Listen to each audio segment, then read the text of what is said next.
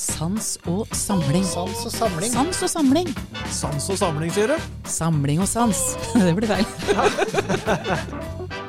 Sans og samling. Hei, det er Peter Bøttinger her. Vi har hatt denne fantastiske lille episoden som du snart skal få høre i arkivet vårt i en liten stund. For i år så er det nemlig frivillighetens år, og frivillighet og dugnad er jo veldig viktig for den norske økonomien generelt og i det norske samfunnet. I museene så er vi så heldige at vi får jobbe tett med frivillige på nesten daglig basis. Hvis du som lytter kjenner til kultursektoren, så veit du hva jeg prater om.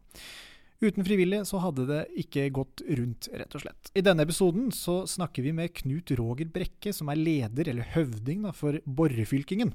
De driver med historisk kampsport og vikingkamp, men er også frivillige på bl.a. Midgard vikingsenter. Så i studio i denne episoden så sitter altså da Knut Roger, og så sitter jeg der, og min faste makker Eivind Thorsen, og Elna Splin, som mange av dere kjenner fra før. Så med det så tror jeg vi bare hopper rett inn i episoden. Vel bekomme. Hei, Knut Roger. Hei, hei, hei, hei. Hvem er du? Hva er det som driver deg? Ja, nei, jeg, jeg er Knut Roger. Jeg er eh, styreleder for uh, og vi er en hærkampgruppe, så vi driver og ja, slåss med sverd, skjold, spyd, alle de tingene. Lager vikingklær og sånn, og prøver å vise frem hvordan er det strid foregikk i vikingtida. Er dette for alle? Ja, Altså, det Vi har en nedre aldersgrense på 16 år. Mm -hmm. uh, så mellom 16 til 18. Da må du ha lov av foreldre og, og sånn. Og så har vi ingen øvre aldersgrense. Men hvordan, hvordan, kom du med i dette her? Er du så veldig interessert i viking, du da? Ja, jeg har alltid, alltid vært temmelig interessert i historie og vikingtid. Og når jeg var 15 år, så, så var jeg med på et skuespill ute på Løvøya i Horten. Og der var Borrefylking leid inn for å ta seg av kampdelene av det skuespillet.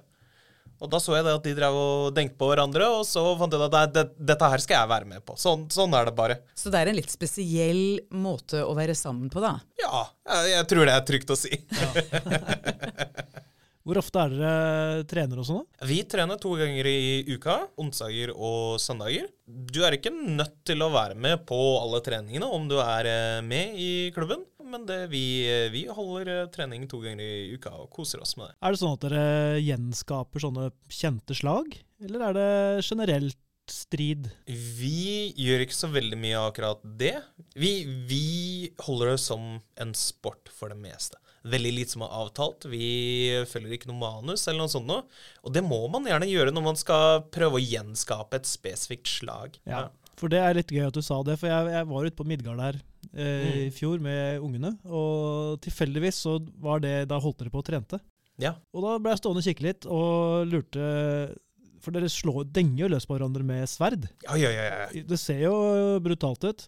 Ja. Det må jo være en viss grad uh, avtalt her, liksom, så ikke det skal gå galt. Eller hva mye veit dere på forhånd før dere begynner å, å, å slåss, da? Uh, vi har et fast regelsett. Så rett og slett, vi har, et, vi har noen rammer. Og så er det fri flyt på innside. Så vi har regler om at det er strengt forbudt å slå i huet, for det er en fryktelig dårlig idé. Og så har vi kun treffområder på da overarm, torso og lår. Treffer de underarm, så telles det ikke sammen med, sammen med legg. Og det er for å kunne gjøre en sport ut av det. Mm. Ja, ja det, er, det, er, altså som andre kampsporter, da, så det er noen regler å følge. Det er ikke bare ja. liksom å fritt frem og gjør som du vil. Nei, nei, nei, nei, nei. Det er jo en ting som kan være temmelig farlig, det vi gjør egentlig. Det er en grunn til at vi trener to ganger i uka. Det er ikke bare fordi at det er dritmoro å gå rundt og denge hverandre. Uh, det er det jo.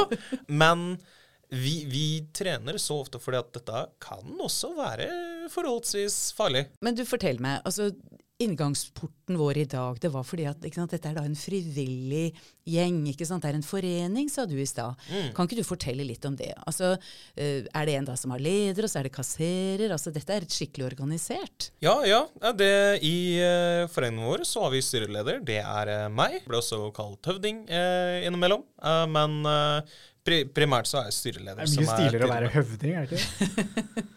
ja Men det, er- det er altså så fryktelig mange folk som eh, krever å bli kalt høvding, og det høres så teit ut. det er- Jeg, får nesten litt sånn spader innimellom av, av det der. Men, eh, men jeg, jeg, jeg, sier for det meste høvding, for å være ærlig. Det er, selvfølgelig gjør du det. Ja, ja. Altså, Ja, alle men- hadde gjort det. Mm, Hvis jeg kunne kalt meg høvding, så hadde jeg jo Ja, gjort det. Så jeg hadde hatt noe hjemmel for det. Ja, ja, ja. Ja, ikke har jeg ikke, dessverre. Så. Men hva er de andre medlemmene da, da hvis du er høvding? Uh, vi, har, uh, vi har et styre med tre andre, eh, hvor vi har en turansvarlig, vi har økonomiansvarlig, vi har en som er spesifikk trener, treningsansvarlig. Og så da har vi lass med andre medlemmer som er med på å dra lasset på alle mulige andre ting som trengs. Kan hvem som helst bli med, sa du? Ja, absolutt. Vi har alt fra, fra folk som er kjempehistorieinteresserte, sånn som meg som studerer filologi ved Universitetet i Oslo, til folk som jobber i hjemmepleien og egentlig er veldig lite historisk engasjert. Og det egentlig alt, alt mulig rart. Så det er eh, fritt fram åpent for absolutt alle sammen. Noen som trenger bare noen å denge litt på, kanskje. Ja, Men det må jo bli litt skader og sånn, eller? det, Er det trygt? det er ganske trygt. Jeg nevnte jo at det kan være ganske farlig. Og vi har et skadepotensial. Vi driver og slår hverandre med stålsverd og økser og alt mulig sånn noe. Men vi har et veldig rigid sikkerhetssystem. Vi er veldig påpasselige på dette her. For at vi eh, vi gidder ikke å ha noe av at noen ender opp med et sverd gjennom øyet. Eh, det, er, det er dårlig reklame. Det, da får de ikke slåss mer på i hvert fall noen uker, mens eh, ting blir eh, OK igjen. Så til tross for at vi har et høyt skadepotensial, så har vi veldig, veldig, veldig, veldig få skader. Eh, jeg har sjøl holdt på i 15 år, og jeg må, jeg må nå sitte og tenke meg over hva er den verste skaden min. Veit hva? Jo, jeg fikk et, eh, jeg fikk et spyd inn eh, ved siden av tommelen min eh, for det et års tid. Eh, og jeg fikk da et sår som måtte sys. Ja. Det, var, det var det. De verste skadene vi har hatt sånn generelt, det er skuldre ut av ledd fordi at noen tryna i en sølepytt. Okay. Liksom. Ja, for jeg ser du har jo tatt med deg et sverd her i studio i dag. Ja, ja, ja. Det, det har jeg. For jeg, jeg pleier ikke å ha med noe som de folka jeg snakker med, kan, kan se på da, og kjenne på, for å se at ok, det, vi bruker ikke noe, bruker ikke noe gummisverd eller noe sånt. Nei. Så nå skal jeg trekke det ut fra slira. Gjør vi det rett foran mikrofonen?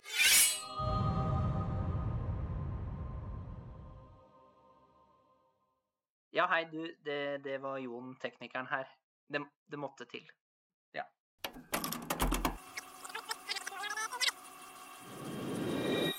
Skal jeg trekke det ut fra slira? Gjør vi det rett foran mikrofonen?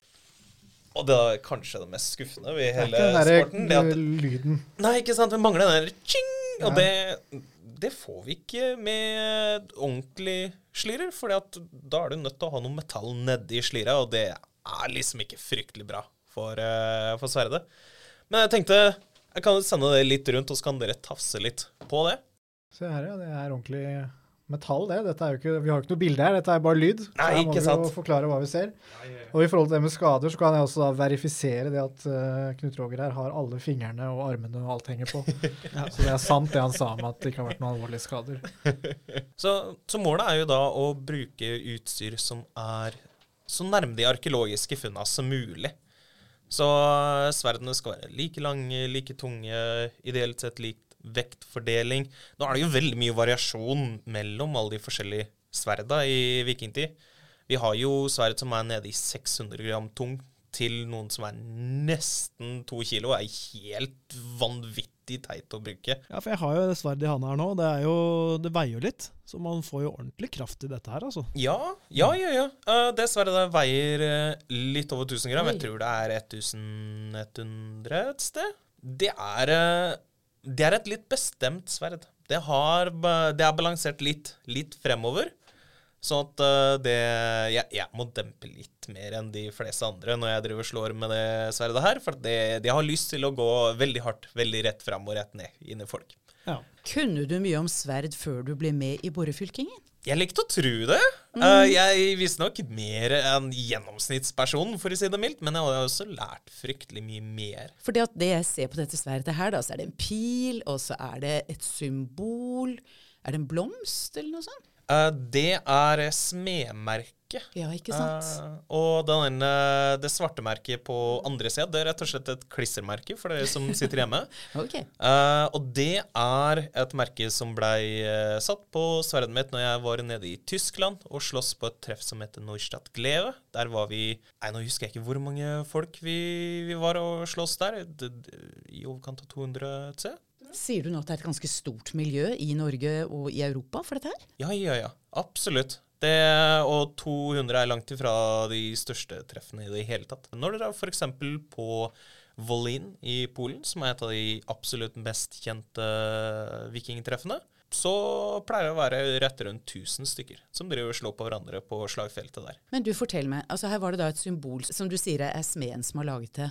Ja. Uh, betyr det at i Borrefylkingen så er det også smeder som er engasjert? Vi har én hobbysmed. Han lager ikke sverd. Uh, sverd er en hel vitenskap å lage. Det er så fryktelig komplisert at det er eh, Det er ikke veldig mange som driver og lager eh, sverd rundt omkring. Og det er, det er færre som lager bra sverd, for å si Men det du, mildt. i Borrefylkingen da, altså, så har dere ekte våpen, må jeg vel nesten kunne si da. ikke sant? Hva med klærne dere bruker? Er det, lager dere det selv òg, eller? Ja, det, det gjør vi. Det, det varierer jo litt fra person til person. Noen er veldig på det at de lager absolutt alt sammen selv. Andre er mye mer på det at Nei, vet du hva, jeg hater nål og tråd, så jeg bare kjøper meg ting. Men det er viktig å være ordentlig kledd. Ja. Vi har et ganske sterkt fokus på at alle klærne vi bruker, skal være basert på arkeologiske funn og sånt noe. Innimellom så vi må også kunne variere en del basert på tolkninger og materialvalg og sånt. da. For eksempel, jeg har eh, to kjortler som er laga som eh, replikaer av en kjortel funnet i Nord-Norge, Skjoldham-kjortelen. I ingen av de kjortlene så, så er de kliss lik som original. De er ikke laga med nøyaktig samme type ullstoff og samme dekor og sånn, men de er laga, med akkurat de samme bitene. De har klept ut de samme bitene uh, for å lage en kjortel som er, er helt lik. Mye kunnskap her. da. Det er fint å være knytta opp mot et museum, da, kanskje? Ja, ja. Det, vi blir jo brukt ganske mye til eh, formidling på museet. Så, så vi er med på å arrangere en del forskjellige greier på Midtgardmuseet. Er du en av de som er glad i nål og tråd, eller? Eller eh, er du en av de som kjøper deg det? Jeg, jeg er litt glad i å, i å lage klærne mine selv. Eh, For dette får jeg laga noe som passer meg spesifikt. Jeg, jeg syns liksom ikke klarer jeg kjøper ut pleier å passe veldig bra. Men jeg skal også være helt ærlig og si det at jeg driver ikke og håndsyr alt mulig, eh, alt jeg lager. Eh, jeg har eh, en sånn fryktelig fin symaskin fra 30-tallet med sveiv og greier.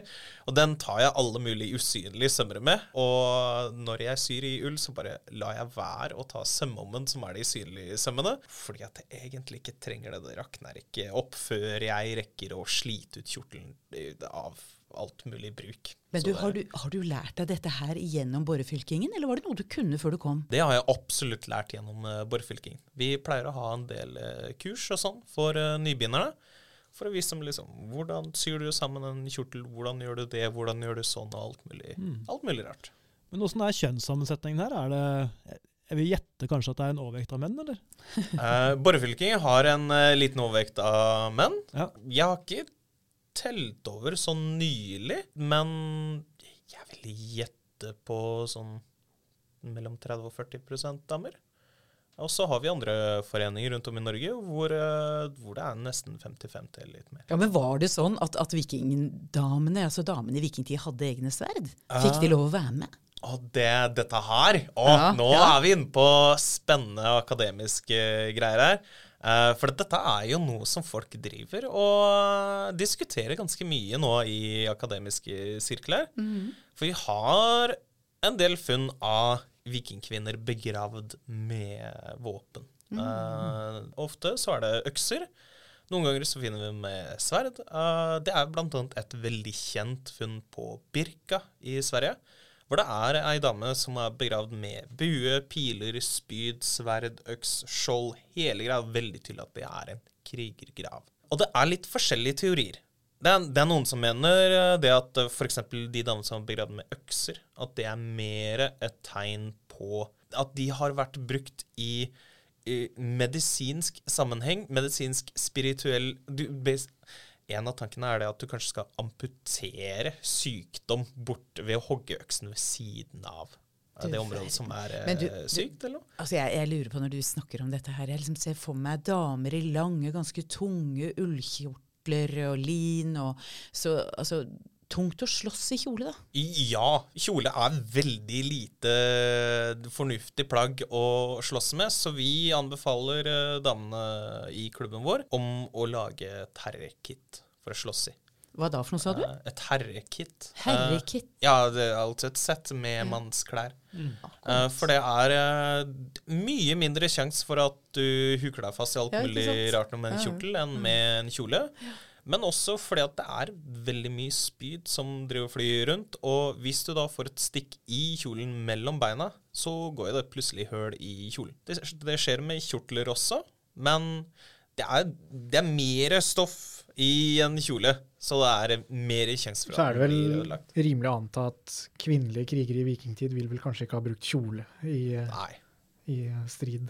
Ja, nei, det, jeg regner med at de eh, ville, ville gått i eh, herreklær. De gjør ikke det i Vikings, i hvert fall, den TV-serien. Nei. Ja, nei. Men den, sten- den er kanskje ikke helt uh, historisk korrekt, hvis du har sett den. Eh, Jeg har sett en god del av den, Ja. uh, og jeg, jeg har litt blanda følelser angående Vikings. Det er veldig vanlig i reenactment-miljø å bare hate Vikings-serien. Du tror ikke det at det bidrar til rekruttering for deres klubb, da? Å, det gjør det absolutt. Og det er, eh, det er så mange som, eh, som har kommet inn i vikingmiljøet etter Vikings-serien. Ikke sant? Og mitt syn på Vikings-serien er det at den, den har gjort kjempemye bra for vikingmiljøet.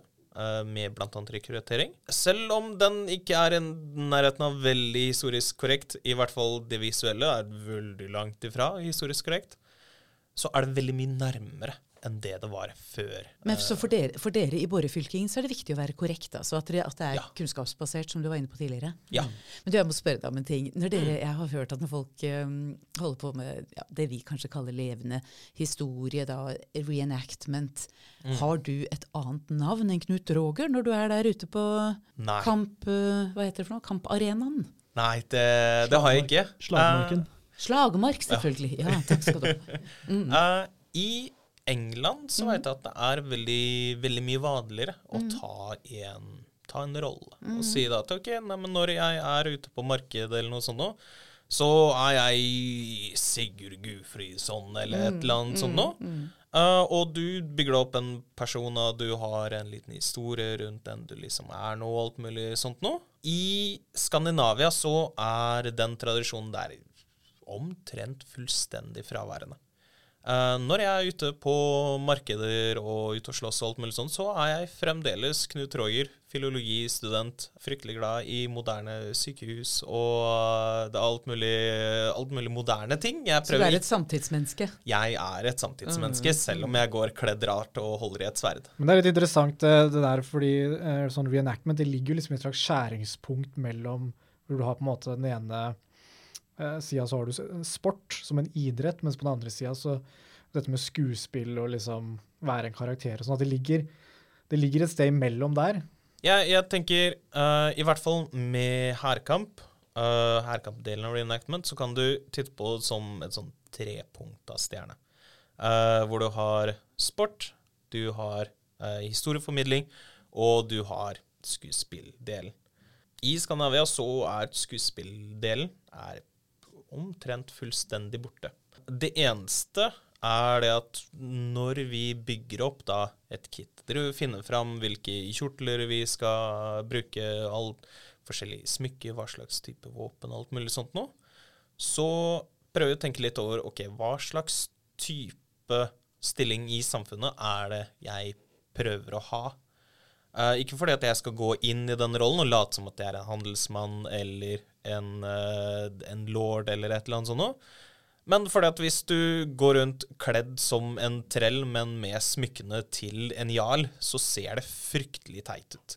Uh, og det er, ikke, det er ikke god historieformidling.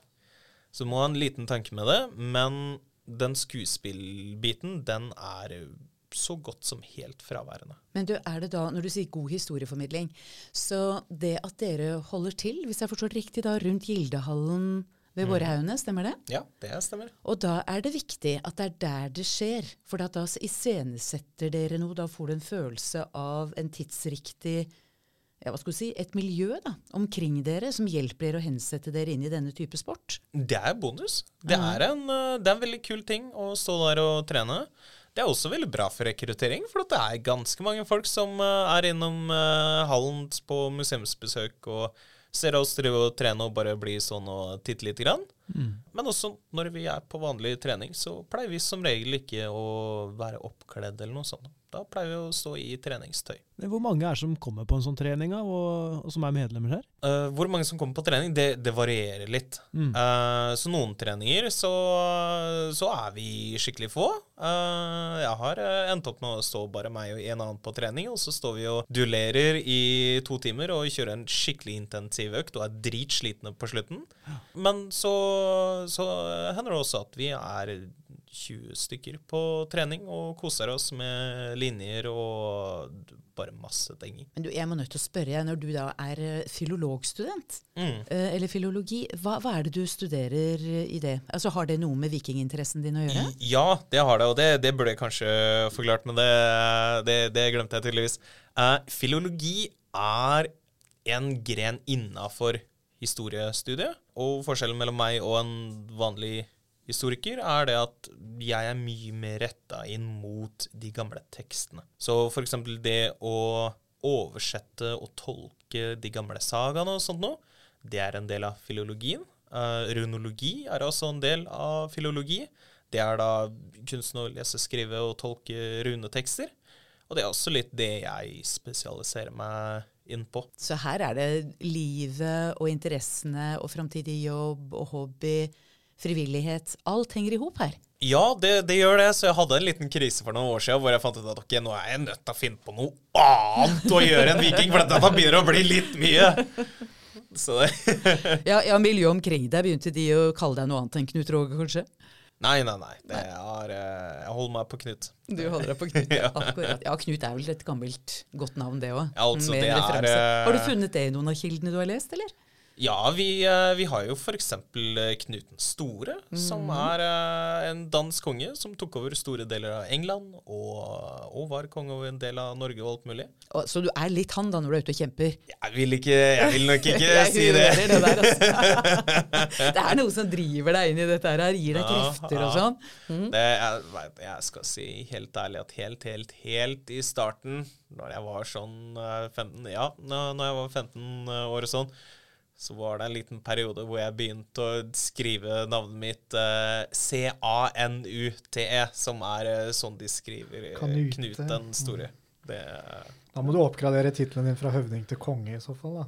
ja, Det blir kanskje litt Ja. eh, i overkant. Ja, ja litt, eh, litt vel i overkant, og det er også en eh, periode som jeg har eh, egentlig bare låst inn i en skuff, og jeg kjenner jeg, til å glede, jeg gleder meg til å komme tilbake til resten av klubben etter at jeg har hørt de greiene her. Det, dette kommer jeg til å bli mobba for. Gud Nei, bedre. skuffen åpen. Ja. Yes. Men det er jo det som er så fint, da, ikke sant? Altså, dette med drivkraft, å være det en ildsjel. Liksom. For du er jo villig til å påta deg noe for mange andre også, da, når du leder en klubb på denne måten her. Ja. Og, du, og du byr på noe for museene også. Mm. Ikke sant? Så det er jo sånn at Når vi åpna den, eller det skapet eller den skuffen der litt, da, så kommer det jo frem at det er noe som ligger i deg som du virkelig brenner for. Ja, ja. Det er kjempefint. Men du, jeg tenker når du har holdt på med dette her en stund, du må jo ha hatt noen ganske rare opplevelser. Kan ikke du fortelle oss om noen, noen hendelser? Ja, nei, det, nei det, har jo, det har jo skjedd mye gjennom de 15 åra. Jeg holdt på å mune Erna en gang på kamshow på Midtgard. Erna hvem? Det er Erna Solberg. Oi. Ja, Hun var på besøk og skulle se på noe greier. Da hadde jeg, jeg hadde på meg en brok som er da en basically en shorts, ullshorts, som er bare fryktelig stor. Den skal egentlig være liksom dobbelt av bredden din, kanskje litt mer. Og så plutselig løsna knuta, og så begynte dette her å ramle nedover. Uh, det ramla ikke hele veien ned, og det jeg skal være helt ærlig, noen ganger senere så har jeg tenkt at jeg skulle bare latt det skje. Bare vist deg månen rett i trynet. Det, Det hadde jo vært en bedre historie. Det hadde det. Ja. Det hadde det. Ja. Men det, noe av det morsomste, det er faktisk fra Midtgardsblot i år. Vi pleier alltid å ha kampshowet på Midtgardsblot, en metallfestival på Borre. Og i år så fant jeg ut at ok, for siste kampshowet så vil jeg gjøre litt ekstra. Uh, jeg kunne ikke slåss under kampshowene i år, fordi jeg har slitt litt med knærne. Men uh, ja, så jeg har stått på sidelinja og vært han som driver snakker til publikum og hauser opp alt mulig. Og da, for det, de kampshowene, så hadde jeg gått litt inn i en rolle. Da hadde vi litt skuespill. Og da var jeg en eh, kar med altfor mye penger på bok, som hadde hyra inn en haug med mercenaries. Sånn at de skulle slåss for publikums entertainment. Her er det hører jeg. Filologen i det. Som, eh, Jeg gikk jo all in for å være en skikkelig ufyselig kar som ikke behandla folka mine ordentlig og alt mulig sånt noe. Så på siste, eh, siste kampshow, og da skulle vi Da bestemte jeg meg for at da skal vi ha en liten uprising. Så Mot deg, da. Ja, ja, ja. ja. Eh, og dette var en idé jeg kom med eh, dagen i forveien og jeg lå i, eh, i feltsenga og bare uh, slappa av litt. Kom det en sånn lyspære over hodet mitt og bare Ja! Uh, så da idet jeg uh, det jeg skal rope til at eh, folk skal ta i en siste sirkel hvor, det, er en, ja, hvor alle sammen slåss mot alle, og så blir det én vinner til slutt. Så istedenfor å begynne å slåss med hverandre, så, så steller de seg opp og begynner å snakke med hverandre. Og det, det er jo ikke noe bra. Jeg vil ikke ha noe unionizing eller noe sånt noe. Ikke noe, ikke noe Ikke noe demokrati her, Nei, nei, nei, nei, nei, ærlig talt, det kan vi ikke ha nå. Så jeg begynner å rope inn og kjefte dem, og så kommer da alle fighterne og løper bort og bare river meg inn på arenaen og inn i da en klynge av fightere. Mens eh, en av fighterne tar over eh, jobben med å snakke til publikum og si takk for oss, alt mulig sånn noe, mens de hører skrikene mine i bakgrunnen idet jeg blir voldelig uh, strippa for alt av, uh, alt av smykker og gull og pene klær og alt mulig. Uh, til slutt så ligger jeg der i bare bokseren. Det er noen fryktelig fine bilder av det ute på, uh, på Facebook-sida til Midtgardsblot. Og blir da bindt opp og dratt av feltet, og det var kjempemoro. dette er levende historie, for da var det altså Da slapp de alt løs. Ja, ja, ja, ja. Og det var eh, Jeg fikk så mange besøkende på festivalen som kom bort til meg senere og bare Var, var det der avtalt? Går det bra med deg? Det, jeg, jeg håper ikke dette her var noe de bare gjorde ut av ingensteds. Og det var det. ja, det, det, det, var, det var en avtalt bit. Det Men du, fortell meg da. Altså, Dette høres jo litt voldsomt ut, da, men du tålte jo det òg, du tydeligvis. Ja, ja, ja. Imponerende, rett og slett. Og du har ikke sånn at nei, nå gidder jeg ikke mer, nå gidder jeg ikke å være med i det frivillige greiene mer. Nei, ikke nå. Nei da, du, Nei. du tenker at nei da, dette var bare gøy, så jeg blir med videre. Ja, ja, ja, ja. Så man må tåle noen trøkker selv om man er med i frivillighet. Det er ikke sånn at, uh, Ja. at det er avtalt. Ja. Nei, det, du, du tåler så mye du gidder. Mhm. Uh, om du finner ut en daten nei, vet du hva, jeg, jeg er ferdig. Nå gidder ikke jeg å dra på tur og sove i telt med, med fem andre svette idioter og høre på tullet deres i to uker. Ja, da er det helt, helt greit. Men det, en sånn hendelse som det, tror du det bidro til rekruttering, eller? Altså, jeg håper det. Ja, ikke sant? Det er jo synd hvis det har vært helt bortkasta, selvfølgelig. Men det, for det meste så var det fordi at jeg syntes det hørtes dritmoro ut. Jeg kosa meg kjempemye. Det- Så hvor, hvor skal Borre-fylken i framtida, da? Jeg, mener, jeg antar at det hadde vært Lurer på om de kunne ha gjort det med ei jente. Hva vet du? Høvdinger? Kvinner? Hva kaller man de? Ja, det er faktisk et veldig godt spørsmål. Vi har ikke noe kvinnelig variant av ordet høvding Nei? Mm. som vi kjenner til uh, fra kildene. Det ser ikke ut til at damer har fått lov til å være offisielt på toppen av, Leder? Nei, av nei, samfunnet i lederroller. Funksjonelt derimot så, så ser vi det en del Ja. i kildene.